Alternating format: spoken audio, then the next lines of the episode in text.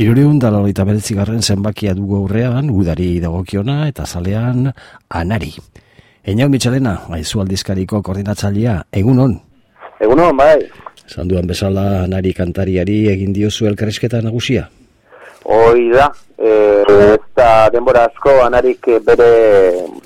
ba, oi, ez, ez, azkreko dizua kaleatu duela, zure aurrekari penalak, bide utxetxearekin, eta, bueno, aurkezpenak eta egiten ibili da, guk aprobetsatu edo baliatu dugu momentu hori, ba, kantari ezagunarekin e, hitz egiteko, eta ala ibili gara, baterik, e, hori, azken disko horri buruz izketan ibili gara, baina, bueno, bere ibilbideari ere alako errepasotxoa egin diogu, ba, beste naziztenetik, orain arte egin duen bideo horri buruz hitz egin dugu, baita, bueno, beste zenbait konturi buruz ere, ba, ez da, beto, azken aldien nahiko bizirik dauden izketagaiak e, izan ditugu, basate baterako, ba, hori, ba, internetek e,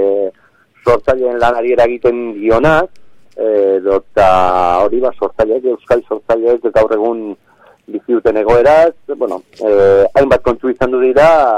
ekatu du da, ba, zure aurretarik penalak, disko horrez gain. Harin harin atalean, Jakobo Errekondo eta bere baratzeak elkarrezkatatu duzu. Hala da, bai, e, Jakobo Errekondo ere, azken aldean, bueno, orkesten, orkesten ez orkesten da bil, e, honek ere bain dela gutxi liburu bat atera du, bizi baratzea, garaian garaikoa garai, izeneko liburua, eta, bueno, izen buruak ezatu nuen bezala, ba, baratzeari buruz mintzo da, baratzea egiteko, edo baratzen lan egiteko, hainbat aholku gomendio eta jakingarri batu ditu, oso modu didaktiko eta txeginen, Jakobak, eta, bueno, e, ba, liburuaren argitalpena itzaki hartuta,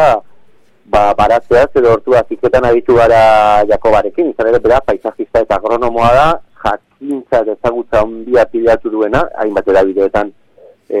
partartzen duen justu ere, ba, alako kontuekin, eta jendearen zalantzak, eta beste erantzunez,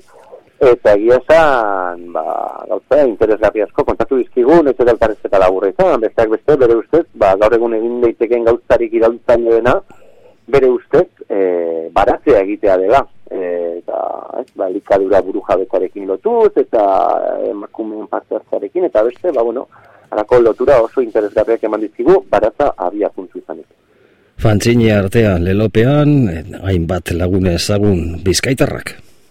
Bai, bizkaitarra kalde batetikan, iparraldeko batzuk ere bai, naiz eta horiek ez dakigun ziur zeintzuk diren, izan ere, bueno, iru fanzine ekarri ditugu urako aizu honetara. Bat veteranoa, bueno, azteko eta behin hori, iru euskerazko fanzine noski, izan ere, ba, bueno, aginan fanzinek e, gara hobeak ezagutu zituzten, seguraski, ba, larogiko amarkadan eta, baina noen ere, badira euskerazko fanzineak, guk iru ekarri ditugu, gehiago izango dira, eta hori ba hiruak ere bueno norbeten ezberdinak dira. Batetik hori badugu fanzine veterano bat izu giroa e, punk eta jarko reuskerazko fanzina eta hor bueno e, horren atzean ibiltzen diren bi lagun eta ditugu. Batetik otzon hermosilla kazetaria aizuko kolaboratzailea eta inigo basaguren duarte. Urte asko dara mate hauek hori e, izu giroa e, fanzine argitaratzen, oen ikan ere usten diote, eta, bueno, e, fanzinearen ezaugarriak bai azaldu, baita hori, bueno, e, horrelako produktu batek duen irteeraz ere, eta ematen duen lanaz ere, itean, ba, bueno, beraiek e, nahi dutelako egiten dute, ez dute ez delako egitekin ekonomikorik eta lakorik bidetzen, bezik eta, bueno, Euskara, hainbat jakingarri e, zabaltzea, kasu honetan, ba, punk eta jarko musikaren inguruan. Beste batetikan, e, pop pilulak e, fanzineare ekarri dugu, edo pop pilulak e, fanzineari ere reparatu diogu,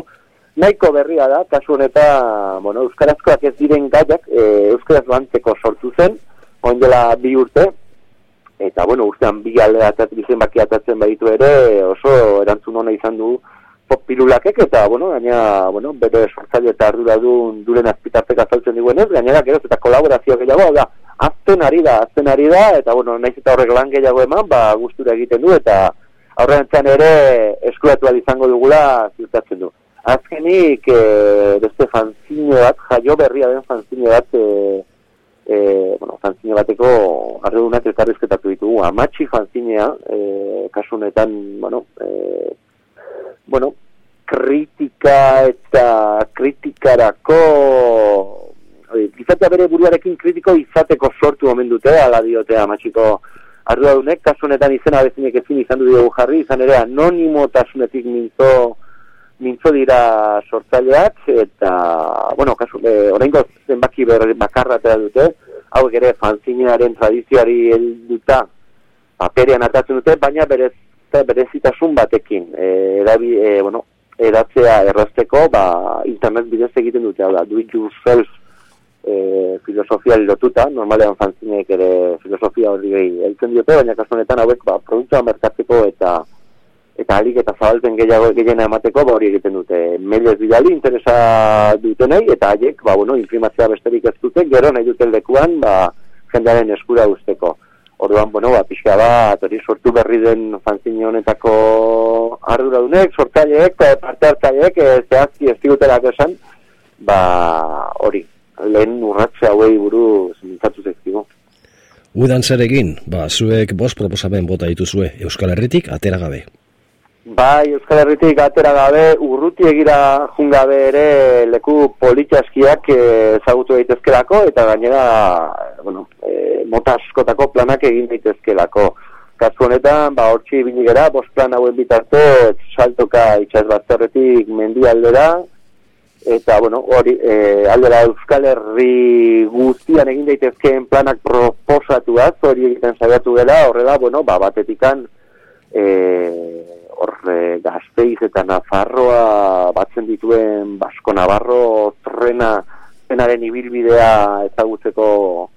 modua eskaini dugu reportaje baten bidez, ez, horre bide berde bat osatu dute, bide berde ederra, ezken finean hori ba,